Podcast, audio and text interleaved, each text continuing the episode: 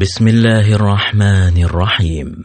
نرفع آيات العزاء لمقام صاحب العصر وولي الأمر.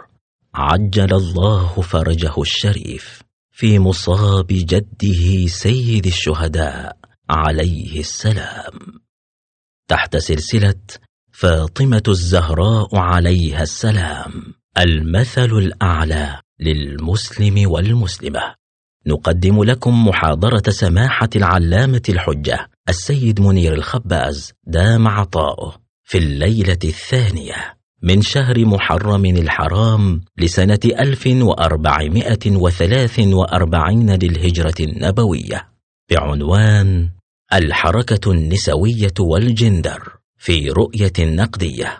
وذلك في مسجد الحمزة بن عبد المطلب عليه السلام في سيهات. الرحيم.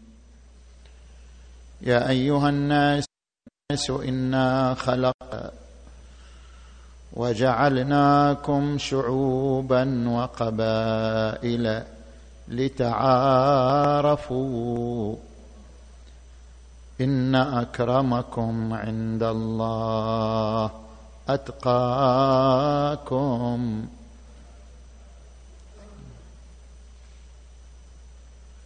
آمنا بالله صدق الله العلي العظيم.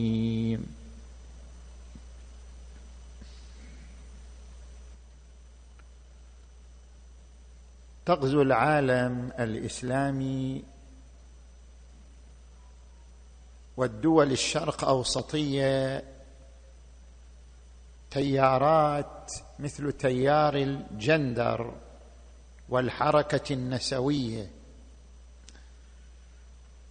وتفرض هذه التيارات على الواقع الاجتماعي اثارا خطيرة جدا.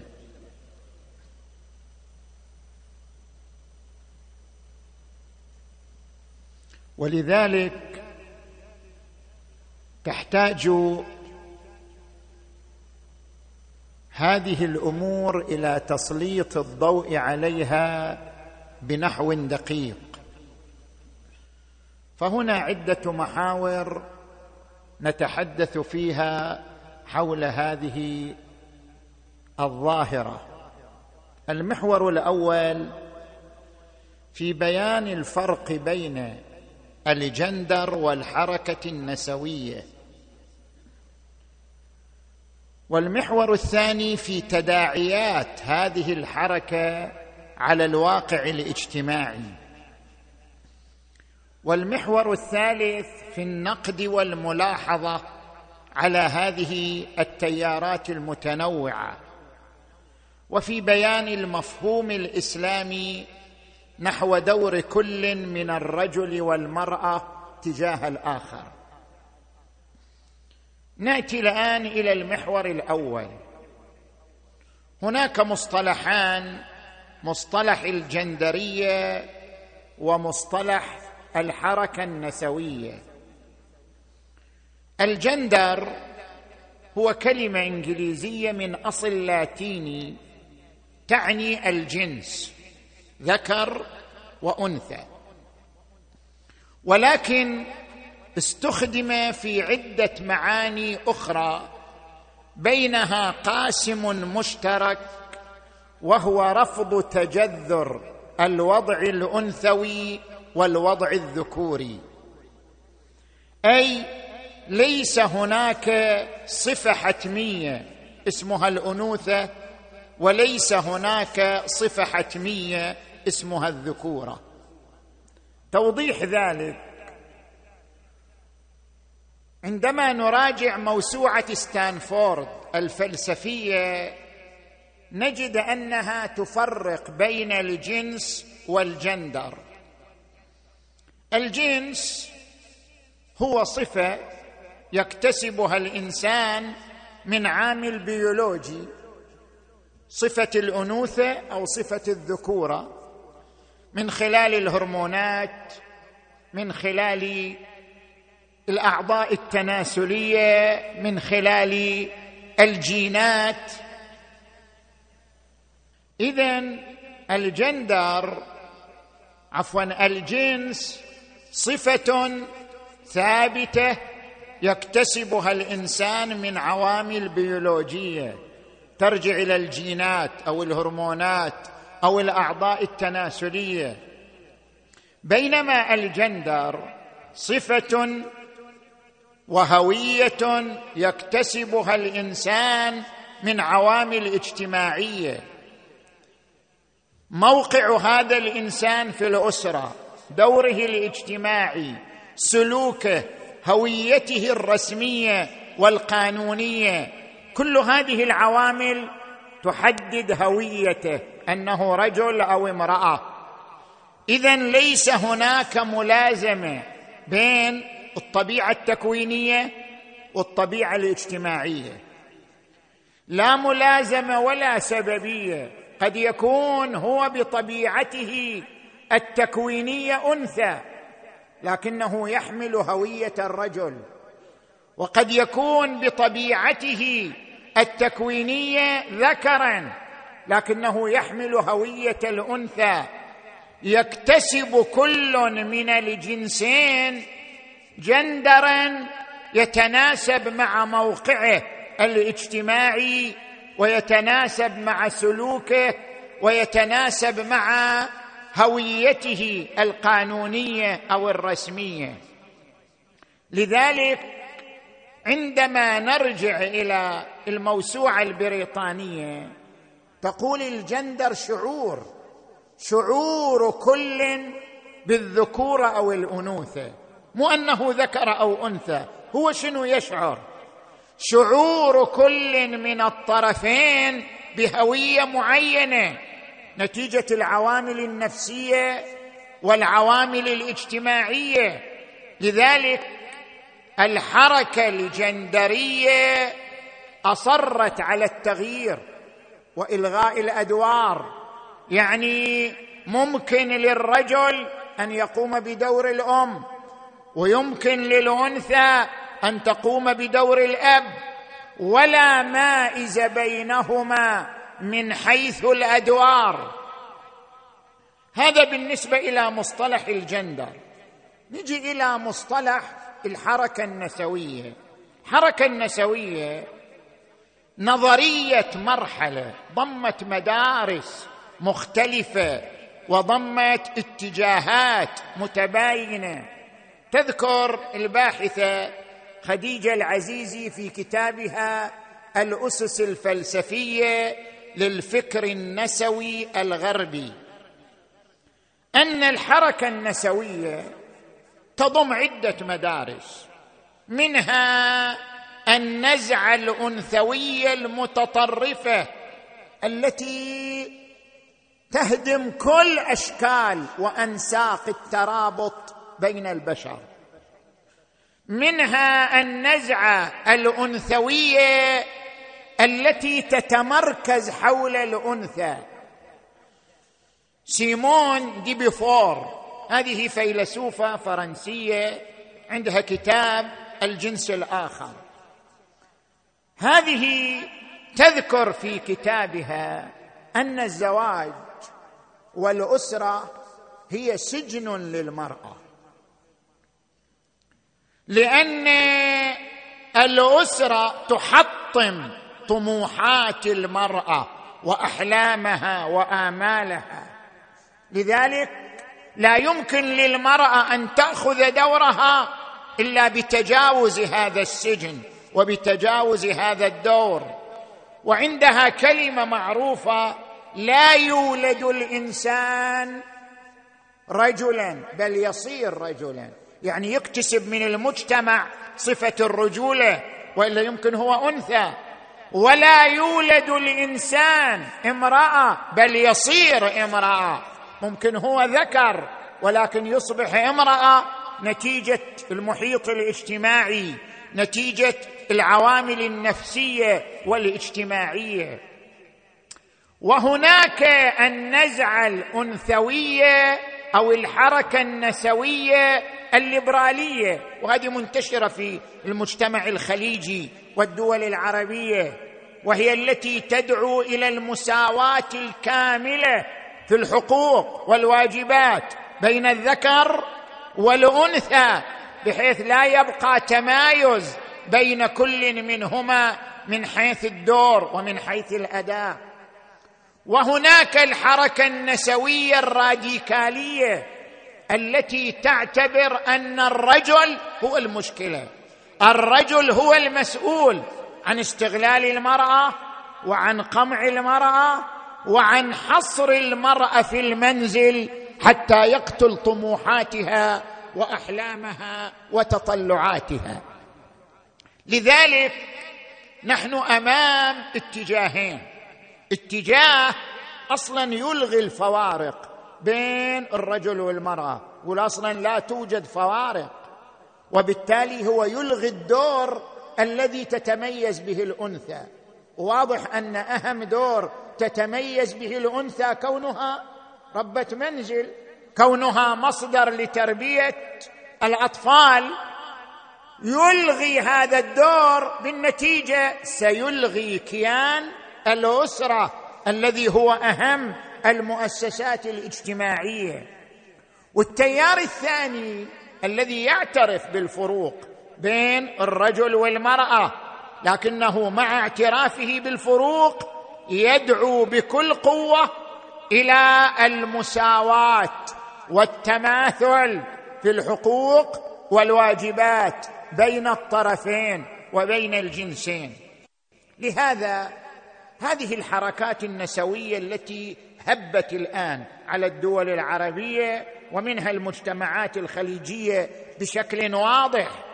لها تداعيات خطيرة مستقبلية كما حدثت في الغرب تماما. ليش؟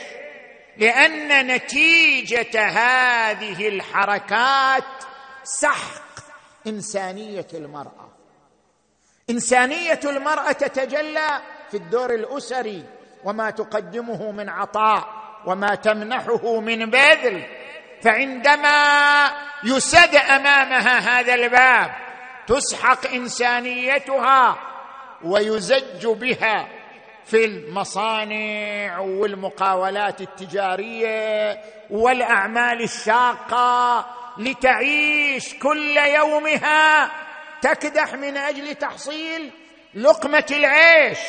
مما يحرمها عن ذلك الدور الذي ينسجم مع طبيعتها الأنثوية وينسجم مع فطرتها وحقيقتها.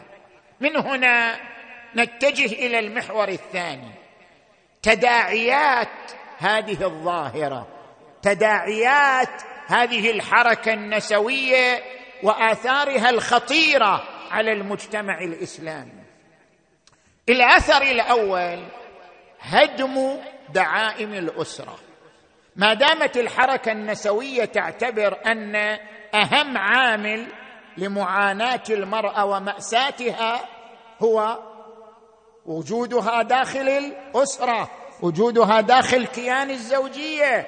اذا هذا يشجع الفتيات على عدم الزواج أو تأخير الزواج لفترة طويلة باعتبار أن الأسرة تقيد طموحاتها وتحجم آمالها وتطلعاتها.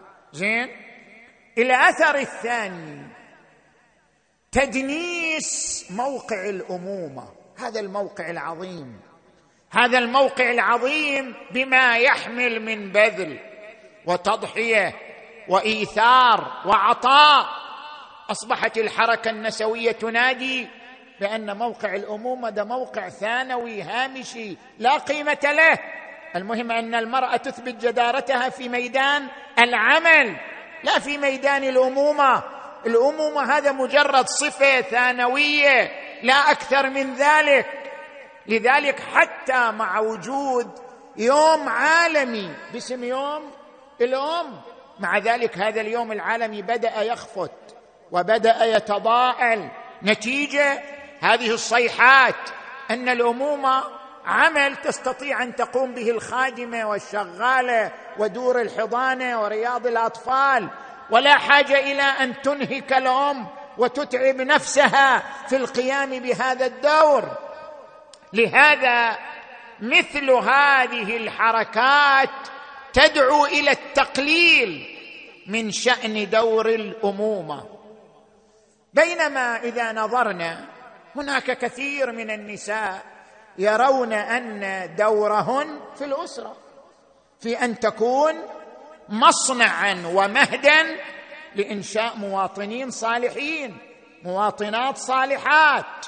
ترى أن دورها الذي ينسجم مع طبيعتها دورها كأم من خلال الأسرة. فلماذا نحن نصادر هؤلاء وندعوهن للخروج؟ إلى ميدان العمل بكل وسيلة. وتهميش دور الأمومة. ليس من الصائب قانونيا ولا أخلاقيا. زين؟ زج المرأة التي هي غير مقتنعة بهذا الدور إلى أن تتخلى عن الدور الأسري وتتجه إلى دور آخر. المفروض أن مبادئ الحرية الفكرية مبادئ الحرية القانونية تفرض أن المرأة هي التي تختار قرارها وهي التي تقرر الدور الذي ينسجم مع طبيعتها. فإذا اختارت أن تكون اما وزوجة وتقوم برعاية الأسرة وتغذيتها واحتضانها فلا معنى للوقوف أمامها وهي تمارس هذا الدور الطبيعي. زين. ومن جملة الآثار الدعوة إلى الإجهاض.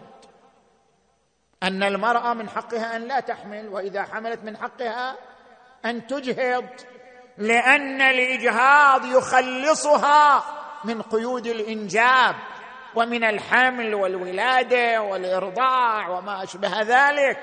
زين؟ والآثر الرابع الخطير فتح الباب أمام الحرية الجنسية بألوانها المختلفة. زين؟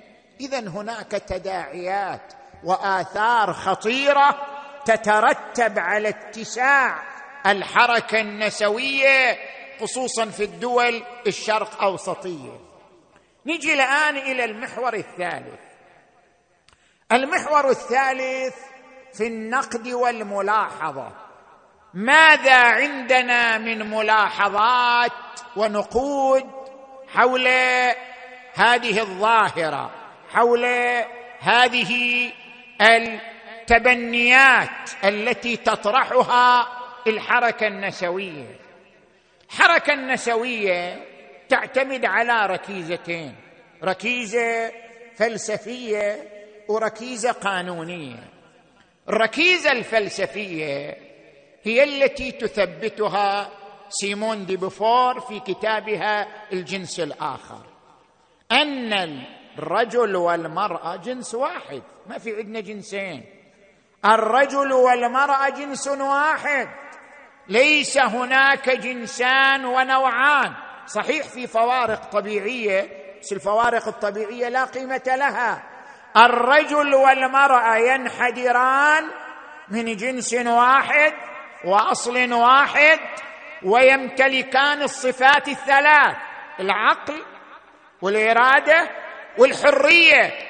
فلأن كلا منهما يمتلك هذه العناصر الثلاثة اذا المرأة إنسان واعي مستقل صاحب قرار مستقل لا يمكن أن نخضعه لقيادة الرجل.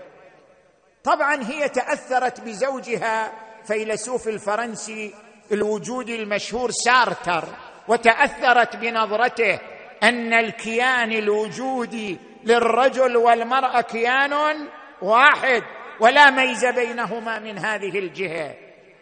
النسويه الراديكالية استغلت هذه الركيزة الفلسفية. ولذلك طرحت على أنه نعم يمكن للفئات من النساء أن يعشن بلا رجال ويستغنين عن الرجال. تعيش المرأة مع المرأة بدون حاجة إلى أن تكون هناك علاقة بينها وبين الرجل. وأما الحركة النسوية الليبرالية فركزت على الركيزة الثانية وهي الركيزة القانونية.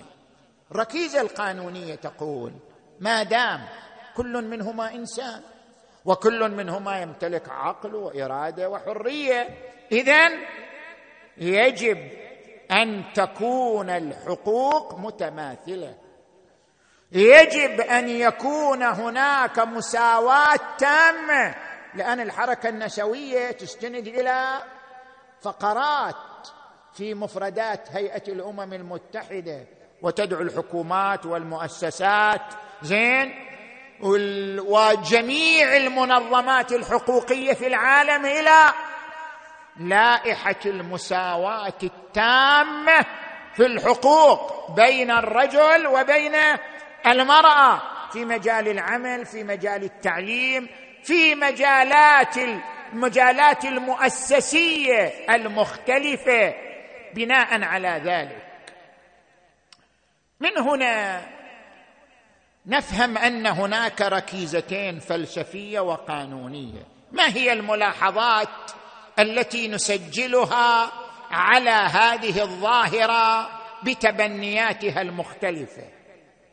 الملاحظة الأولى لو فرضنا فرضنا أن اختلاف الأدوار المرأة مربية والرجل يقود الأسرة. هذه الأدوار الطبيعية المعروفة.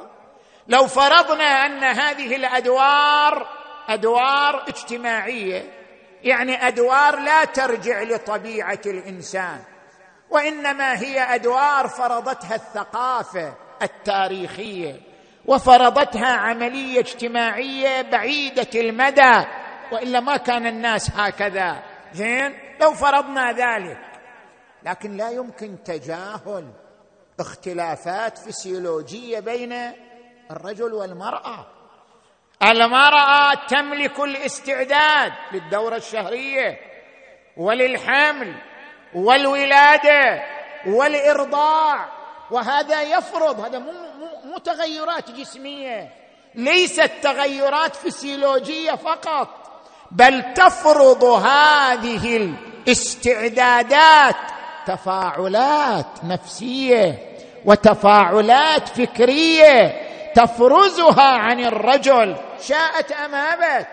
هذه الاختلافات الفسيولوجية بين الجنسين تفرض حتما اختلافات سيكولوجيه بينهما. يعني تفرض اختلافات نفسية تفرض اختلافات فكرية. شاء كل من الجنسين أم ابى هذا أمر تفرضه الطبيعة يفرضه الواقع. لذلك لا يمكن التغاضي عن الاختلافات الفسيولوجية والسيكولوجيه بين الطرفين. ابدا لا يمكن التغاضي عن ذلك. بل يؤكد علم النفس الاجتماعي أن النظر العاطفي من قبل الرجل للمرأة يختلف عن النظر العاطفي من قبل المرأة للرجل. النظر العاطفي من الرجل للمرأة هو الحاجة إلى السكينة والاستقرار. يطلب المرأة ليحصل على السكينة والاستقرار. والنظر العاطفي من المرأة للرجل هو حاجتها للدفء والحماية والحضن الذي يحتضنها. كل منهما تختلف عاطفته تجاه الآخر. ومن آياته أن خلق لكم من أنفسكم ازواجا لتسكنوا إليها وجعل بينكم مودة ورحمة. بترسون هذا عالم نفس غربي مشهور له صيت واسع يقول لا يمكن إلغاء الفروق الجوهرية. يعتبرها فروق جوهرية؟ بين الرجل والمرأة.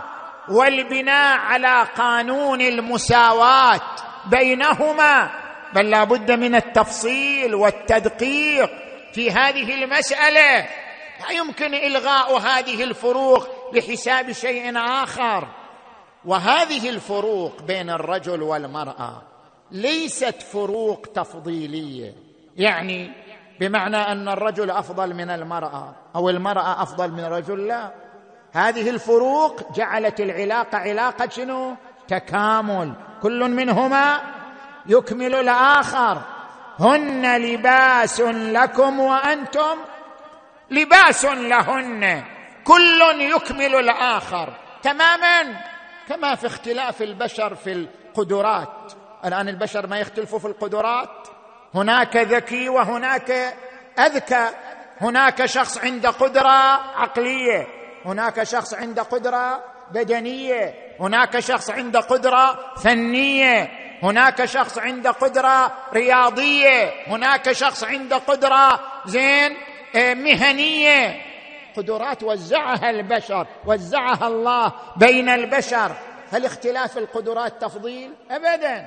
اختلاف القدرات لكي يتكامل البشر بعضهم ببعض. ولذلك قال تبارك وتعالى يا أيها الناس إنا خلقناكم من ذكر وأنثى وجعلناكم شعوبا وقبائل لتعارفوا ليستفيد بعضكم من بعض لتتلقح تجاربكم ومعارفكم. إن أكرمكم عند الله أتقاكم. تماما مثل أعضاء البدن. الآن أنت عندك بصر وعندك سمع وعندك شم. كل حاسة لها دور معين وتحتاج إلى الحاسة الأخرى. الإنسان لا يتكامل إلا بحواسه الخمس مع أن كل حاسة قدرة متميزة. كذلك المجتمع لا يتكامل إلا بقدرات وطاقات متنوعة ذكر وأنثى. هذا صاحب قدرة عقلية وهذا صاحب قدرة مهنية. لذلك يقول القرآن الكريم وهو يتحدث عن تمايز الأدوار. إن المسلمين والمسلمات والمؤمنين والمؤمنات والقانتين والقانتات زين؟ و والقانتين والقانتات والصابرين والصابرات. والخاشعين والخاشعات والمتصدقين والمتصدقات والصائمين والصائمات والحافظين فروجهم والحافظات والذاكرين الله كثيرا والذاكرات أعد الله لهم مغفرة واجرا عظيما اختلاف الأدوار واختلاف المواقع نتيجة اختلاف القدرات اذا لا يمكن التغاضي عن هذا الاختلاف. زين؟ هذه الملاحظة الأولى. الملاحظة الثانية. لنفترض وياك جدلا أن اختلاف الأدوار نشأ من عملية تاريخية وإلا هو مو اختلاف طبيعي. يعني كون الأنثى اما وكون الرجل ابا هذا مو اختلاف طبيعي. هذا اختلاف نشأ عن بناء اجتماعي وتصالح اجتماعي على ممر التاريخ. لنفترض ذلك. لكن متى حصل هذا؟ في أي لحظة من لحظات التاريخ تحول المجتمع من ندين إلى أم وأب إلى زوج وزوجة؟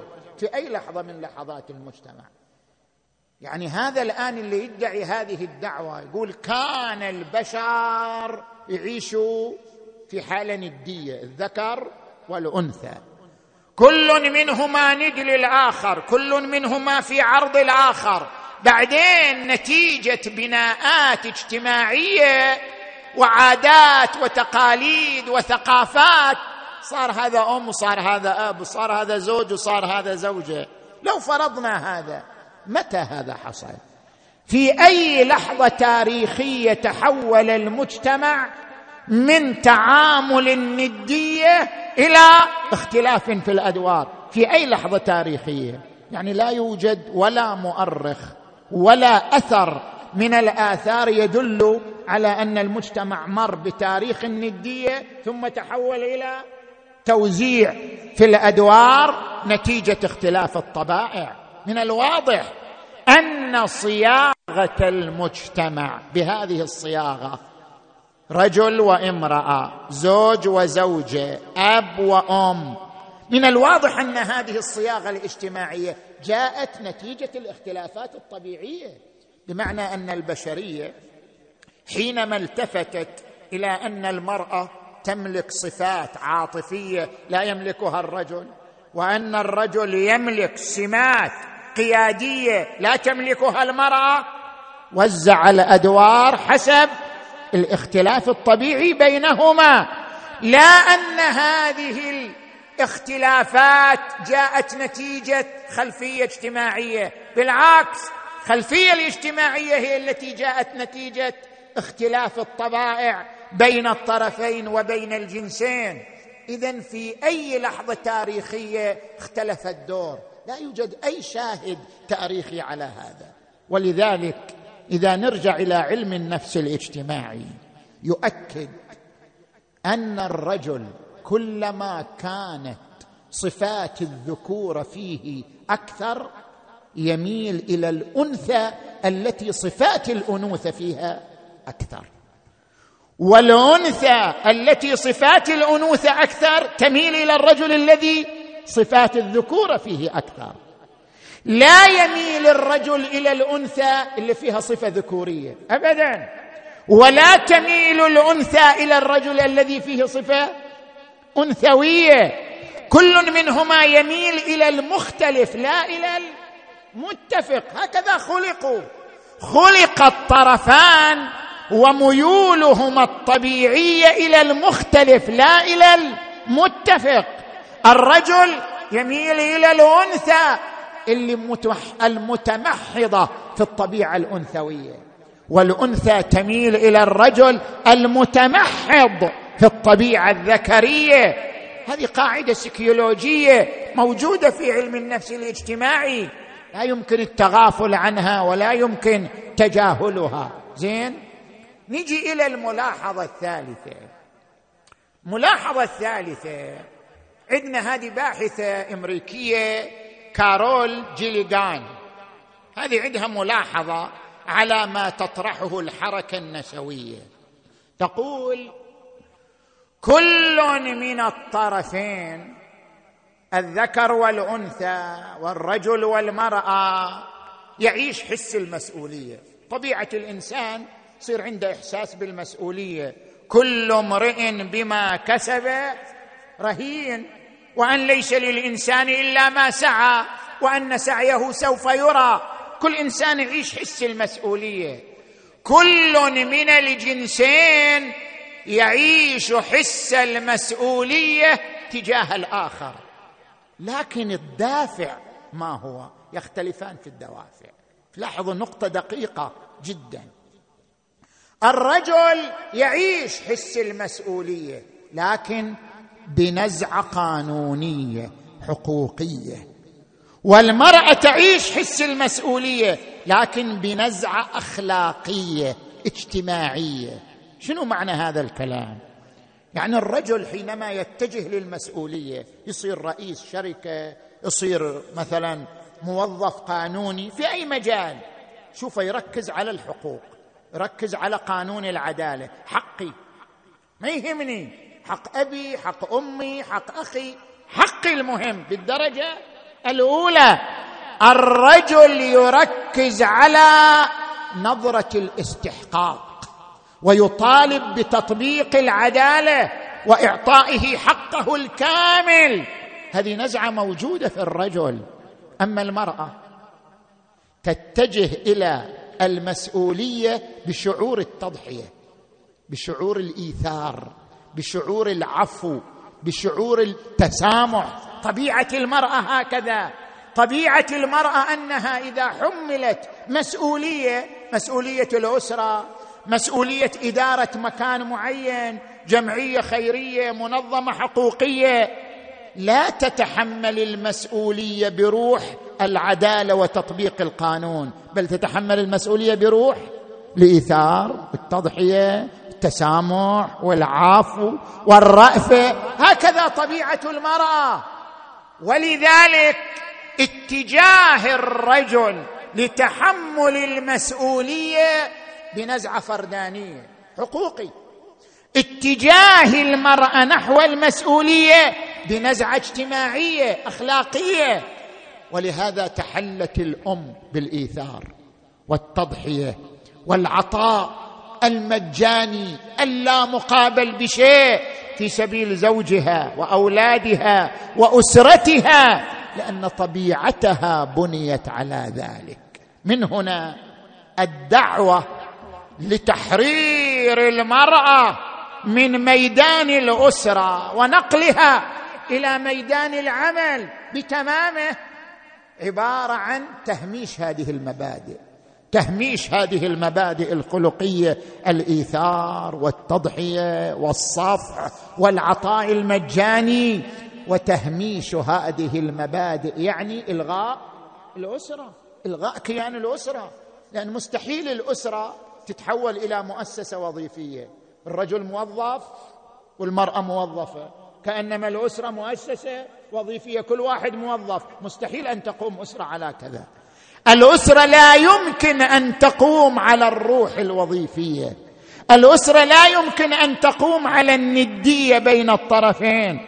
الأسرة لا تقوم إلا على المبادئ الخلقية من الإيثار والتضحية والعطاء المتبادل بين الطرفين. هن لباس لكم وأنتم لباس لهن.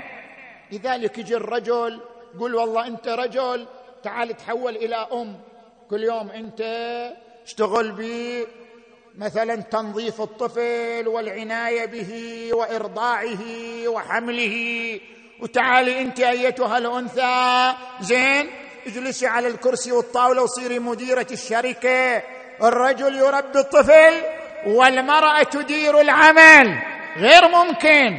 ولا تتمنوا. شوف لاحظ القرآن دقيق. يعني ما يقدر الرجل يحمل مهمة الأنثى وما تقدر الأنثى تحمل مهمة الرجل. ولا تتمنوا ما فضل الله بعضكم. وما قال الرجل أفضل من المرأة ولا قال المرأة أفضل من الرجل.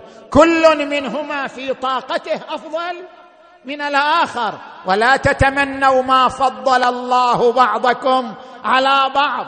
للرجال نصيب مما اكتسبوا وللنساء نصيب مما اكتسبنا واسألوا الله من فضله. إن الله كان بكل شيء عليما. من هنا جيليغان تقول هناك شيء اسمه أخلاق الرعاية والعناية. هذه الأخلاق متوفرة في الأنثى. أكثر من توفرها في الرجل. فلا يمكن وضع الرجل مكان الأنثى أو وضع الأنثى مكان الرجل. زين؟ نجي إلى المحور الأخير في حديثنا. صلوا على محمد وآل محمد.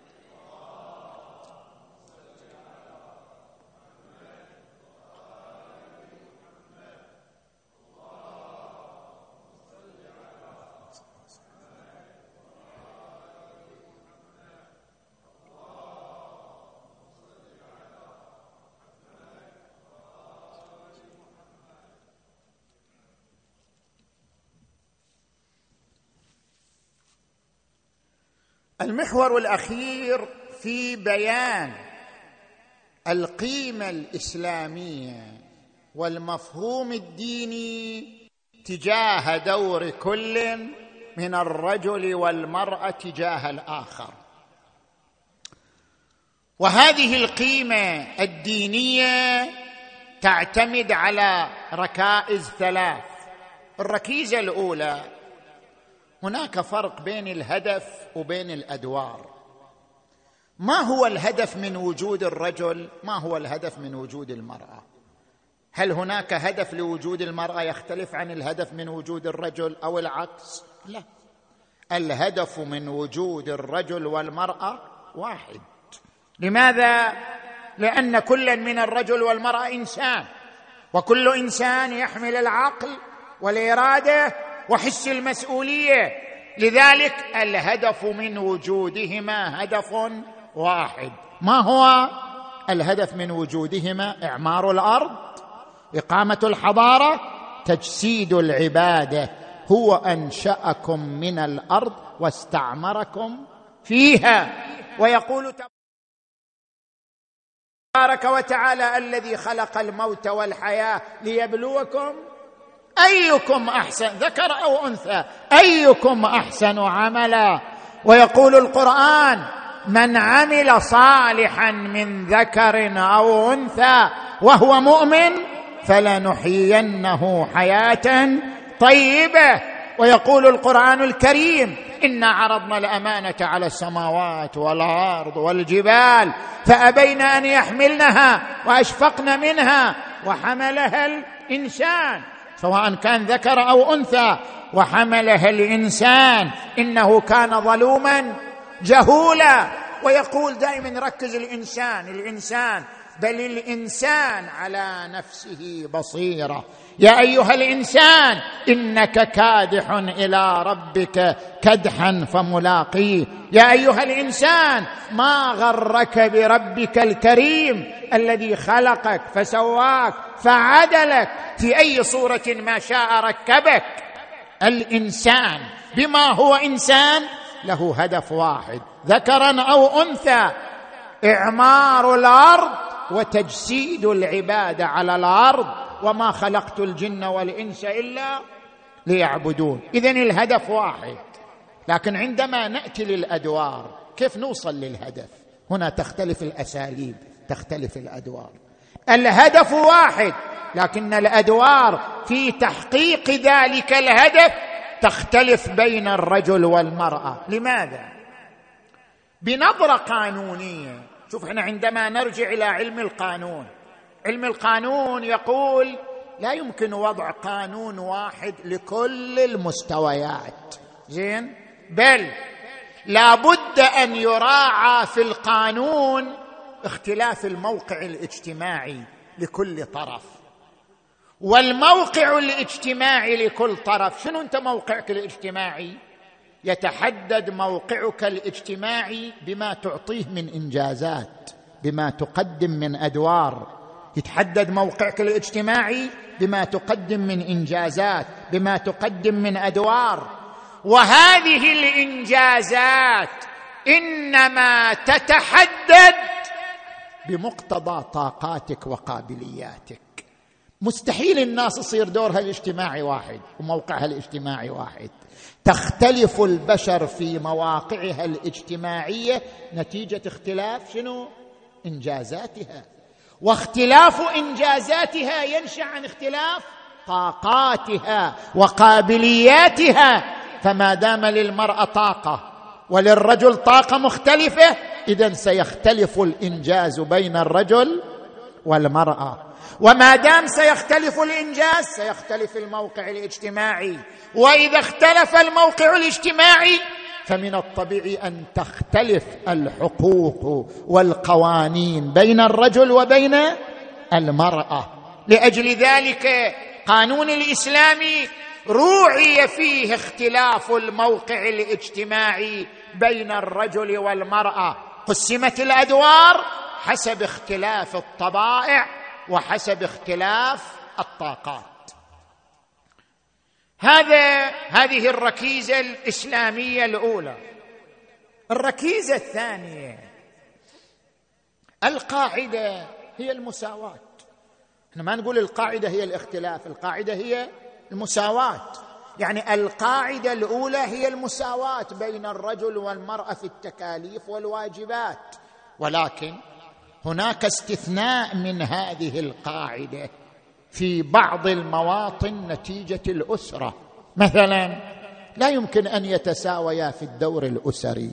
نتيجة اختلاف طاقة كل منهما عن الآخر وهذا الاختلاف يفترض أن للأم دورا وللأب دورا وللأخت دورا وللأخ دورا. نتيجة اختلاف الطاقات يختلف الموقع الأسري بين كل منهما والآخر. نجي إلى الركيزة الثالثة.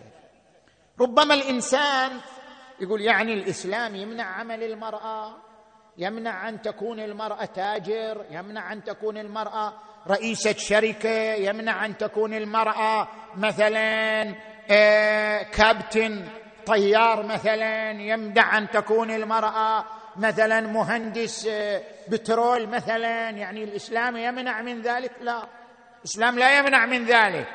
لا يمنع أن تنتهج المرأة عملا ميدانيا خارج الأسرة. هذا لا يمنع منه. ولكن ما هو المعيار في عمل المرأة؟ هذا هو المهم. يعني ما هو الفرق بين الحركة النسوية الجندرية وبين آه الإسلام؟ يعني ما هو الفرق بين الاتجاهين؟ الاتجاه الأول اتجاه الحركة الجندرية النسوية يرى أن المعيار في عمل المرأة هو المعيار في عمل الرجل. من حق المرأة أن تكتسب ثروة من حق المرأة أن يكون لها موقع ريادي في بناء الدولة في بناء المجتمع كما للرجل تماما. اذا المعيار في عمل المرأة معيار زين معيار مادي معيار وضعي بحت بينما الاتجاه الإسلامي. يقول من حق المرأة أن تكتسب ثروة أن يكون لها عنوان اجتماعي من خلال كونها مديرة شركة أو مديرة مقاولات من حقها. ما حد يمنعها من ذلك. ما دامت في حدود شرعية لا توقعها في أسر شهوي أو علاقات غير مشروعة الدين لا يمنعها من ذلك. ولكن المعيار في عمل المرأة أعمق من ذلك. المعيار معيار رسالي وليس المعيار معيار مادي. ليست قيمة المرأة بأن تكون لها ثروة وليست قيمة المرأة بأن يكون لها لقب اجتماعي. ليست قيمة المرأة أن تكون صفا إلى صف الرجل. هناك معيار أعمق من ذلك. هناك معيار رسالي. أنيط بهذه المرأة. ما هو هذا المعيار الرسالي الذي أنيط بالمرأة؟ أن تكون هذه المرأة مصدرا للإنسان الصالح. كل مجتمع كل وطن لا يمكن أن يبني له حضارة إلا إذا كان المواطن صالح. المواطن الصالح تربيه المرأة.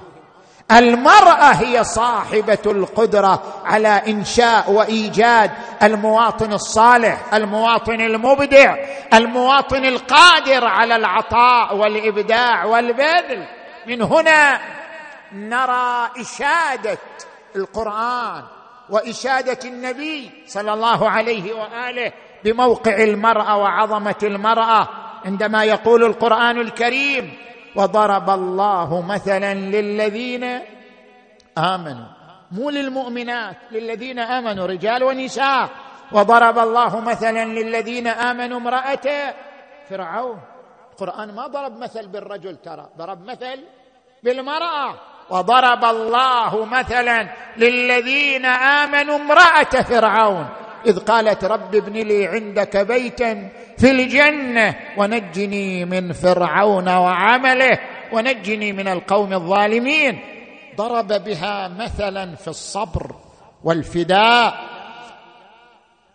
والمقاومة للظلم والطغيان. ومريم ابنة عمران. ضرب بها مثلا في العفة. ومريم ابنة عمران. التي أحصنت فرجها فنفخنا فيه من روحنا. هذه مثل في الجهاد وهذه مثل في الصبر والعفة. ضرب بهما مثلا للذين آمنوا. اذا المعيار في قيمة المرأة هو هذا المعيار القيمي معيار الفضيلة معيار القيمة. أن هذه مثل في الجهاد. وهذه مثل في العفة. وعندما تأتي إلى الآيات القرآنية الأخرى عندما يتحدث عن دور هذه المرأة فمن حاجك فيه من بعد ما جاءك من العلم؟ فقل تعالوا ندعو أبنانا وأبناءكم ونساءنا. يعني المرأة شريكة الرسول في حركة الرسالة. المرأة شريكة الرسول في حركة الدعوة وأبرز تلك المرأة التي هي شريكته في حركة الرسالة والدعوة أبرز فاطمة بنت محمد.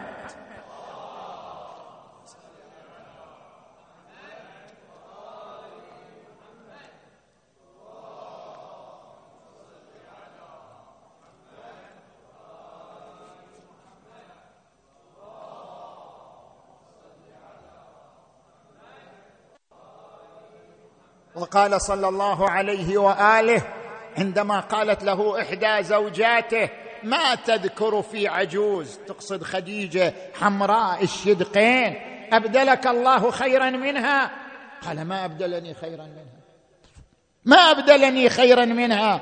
آمنت بي حين كفر بي الناس وآوتني حين طردني الناس ورزقت منها الولد. وحرمته غيرها. وقال فاطمة تلك في خديجة وهذه في فاطمة. فاطمة بضعة مني يرضى الله لرضاها ويغضب لغضبها. هذه المرأة المثل في علمها في عطائها في جهادها في صبرها. ولذلك ارتبطت صورة هذه المرأة العظيمة بأولادها. فاطمة عملاق ربت عمالقة. فاطمة معطاء ربت رجال. أعطوا وبذلوا. ارتبطت هذه بنفسية هؤلاء الأولاد.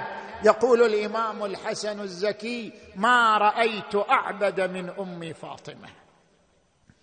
وكانت اذا قامت إلى صلاتها لا تنفتل حتى تتورم قدماها من طول الوقوف بين يدي ربها. وما رأيت دعت لنفسها قط وإنما تدعو للمؤمنين والمؤمنات. أقول لها اماه فاطمة لم لا تدعين لنفسك؟ تقول بني الجار ثم الدار. الحسن يحمل ذكريات جميلة وعظيمة عن أمه فاطمة والحسين يحمل ذكريات عظيمة عن أمه فاطمة عن تلك التربية عن ذلك العطاء. لذلك لم يستطع الحسين فراقها. وفراق موطنها وفراق مقامها. لما عزم على الخروج من المدينة صعب عليه أن يفارق قبر أمه فاطمة وبيت أمه فاطمة وذكريات أمه فاطمة. ساعد الله قلبه أقبل إلى قبر جده رسول الله. وقف على القبر قال السلام عليك يا رسول الله. وعلى بضعتك النازلة بجوارك. يا رسول الله أنا الحسين فرخك وابن فرختك. إن القوم يريدون قتلي. إن القوم يريدون قتلي. فهومت عيناه فرأى جده رسول الله في المنام. وهو يقول له جد يا رسول الله خذني معك. لا أريد الرجوع إلى هذه الدنيا. قال لا بني حسين ولدي حسين إن لك لدرجة في الجنة لا تنالها إلا بالشهادة. ضمني عندك يا جداه في هذا الضريح. علني يا جد من بلوى زماني. أستريح. ضاق بي يا جد من فرط الأسى كل فسيح. فعسى طود الأسى يندك بين الدكتين. وحسين وحسين وحسين و ستذوق الموت ظلما ضاميا في كربلاء. وستبقى في ثراها عافرا منجدلا. وكأني بلئيم أصل شمر قد علا. صدرك الطاهر بالسيف يحز الودجين. وحسين وحسينا وحسينا وحسين. وكأني باليتامى من بناتي تستغيث. سغبا تستعطف القوم وقد عز المغيث. عظم الله أجوركم أقبل بأبي وأم الحسين جهز رحاله. جهز عياله جزه جهز أطفاله. صعد على الناقة أشار بيده إلى قبر أمه فاطمة الزهراء. مناديا أمه في أمان الله في داعة الله. على بعض الروايات فتعلقت بأذياله فاطمة العليله ابنته العليله التي تركها في المدينة. أبا خذني معك لا تتركني في المدينة وحدي. الحسين يضمها وهي تضمه. الحسين يبكي وهي تبكي إلى أن فارقها وهي تبكي على فراق أبيها. الوافد شقل لا لف يا سر الوجود. خذني يا أبويا وياك لا قل لي متى تعود. ضمها الصدرة والدمع يجري بالخدود قالها يا بنت القلب زيدتي لهيبة. رد المنازل يا عزيزة وندبيني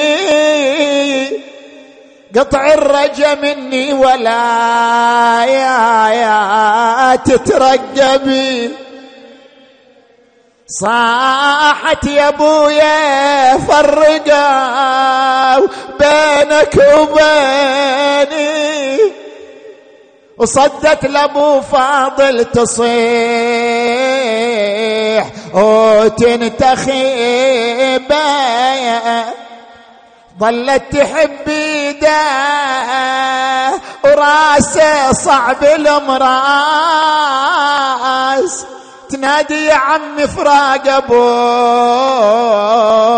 يشيب الراس. خذوني يا عمي وياكم يا عبه قال أنا ما أقدر أشوف دموعها. بخدها سكيبة. شي يقول الحسين؟ شي يجاوب؟ هذه ما هي مكتوب تتودى هدية. لا هي أخويا من سبايا الغاضري. ردي يا بنتي وردت إيش غصبا علي. طلبي من الله يعودنا لديار طيبة ردت بحسرتها وساق الضعن عنها. نابة تقوم ونابة توقع من حزنها. ومن راحة وأخوتها وأبوها انقطع ظنها. وتصيح راح حجاب صاني من نجيبه. خرج الحسين من المدينة خائفا كخروج موسى خائفا يتكتم يا الله. اللهم بالحسين الوجيه وجده وأبيه وأمه وأخيه والتسعة من بنيه. اللهم فرج عنا واكشف غمنا وادفع همنا. اللهم اكشف هذه الغمة عن هذه الأمة واشف مرضانا ومرضى المؤمنين والمؤمنات واقض حوائجنا وحوائجهم. وفقنا والمؤسسين والمؤمنين والمؤمنات لما تحب وترضى. اللهم عجل فرج وليك وابن أوليائك واكتب له النصر والظفر. واجعلنا من انصاره وأعوانه وإلى أرواح أموات المؤسسين والمؤمنين والمؤمنات. الفاتحة تسبقها الصلاة.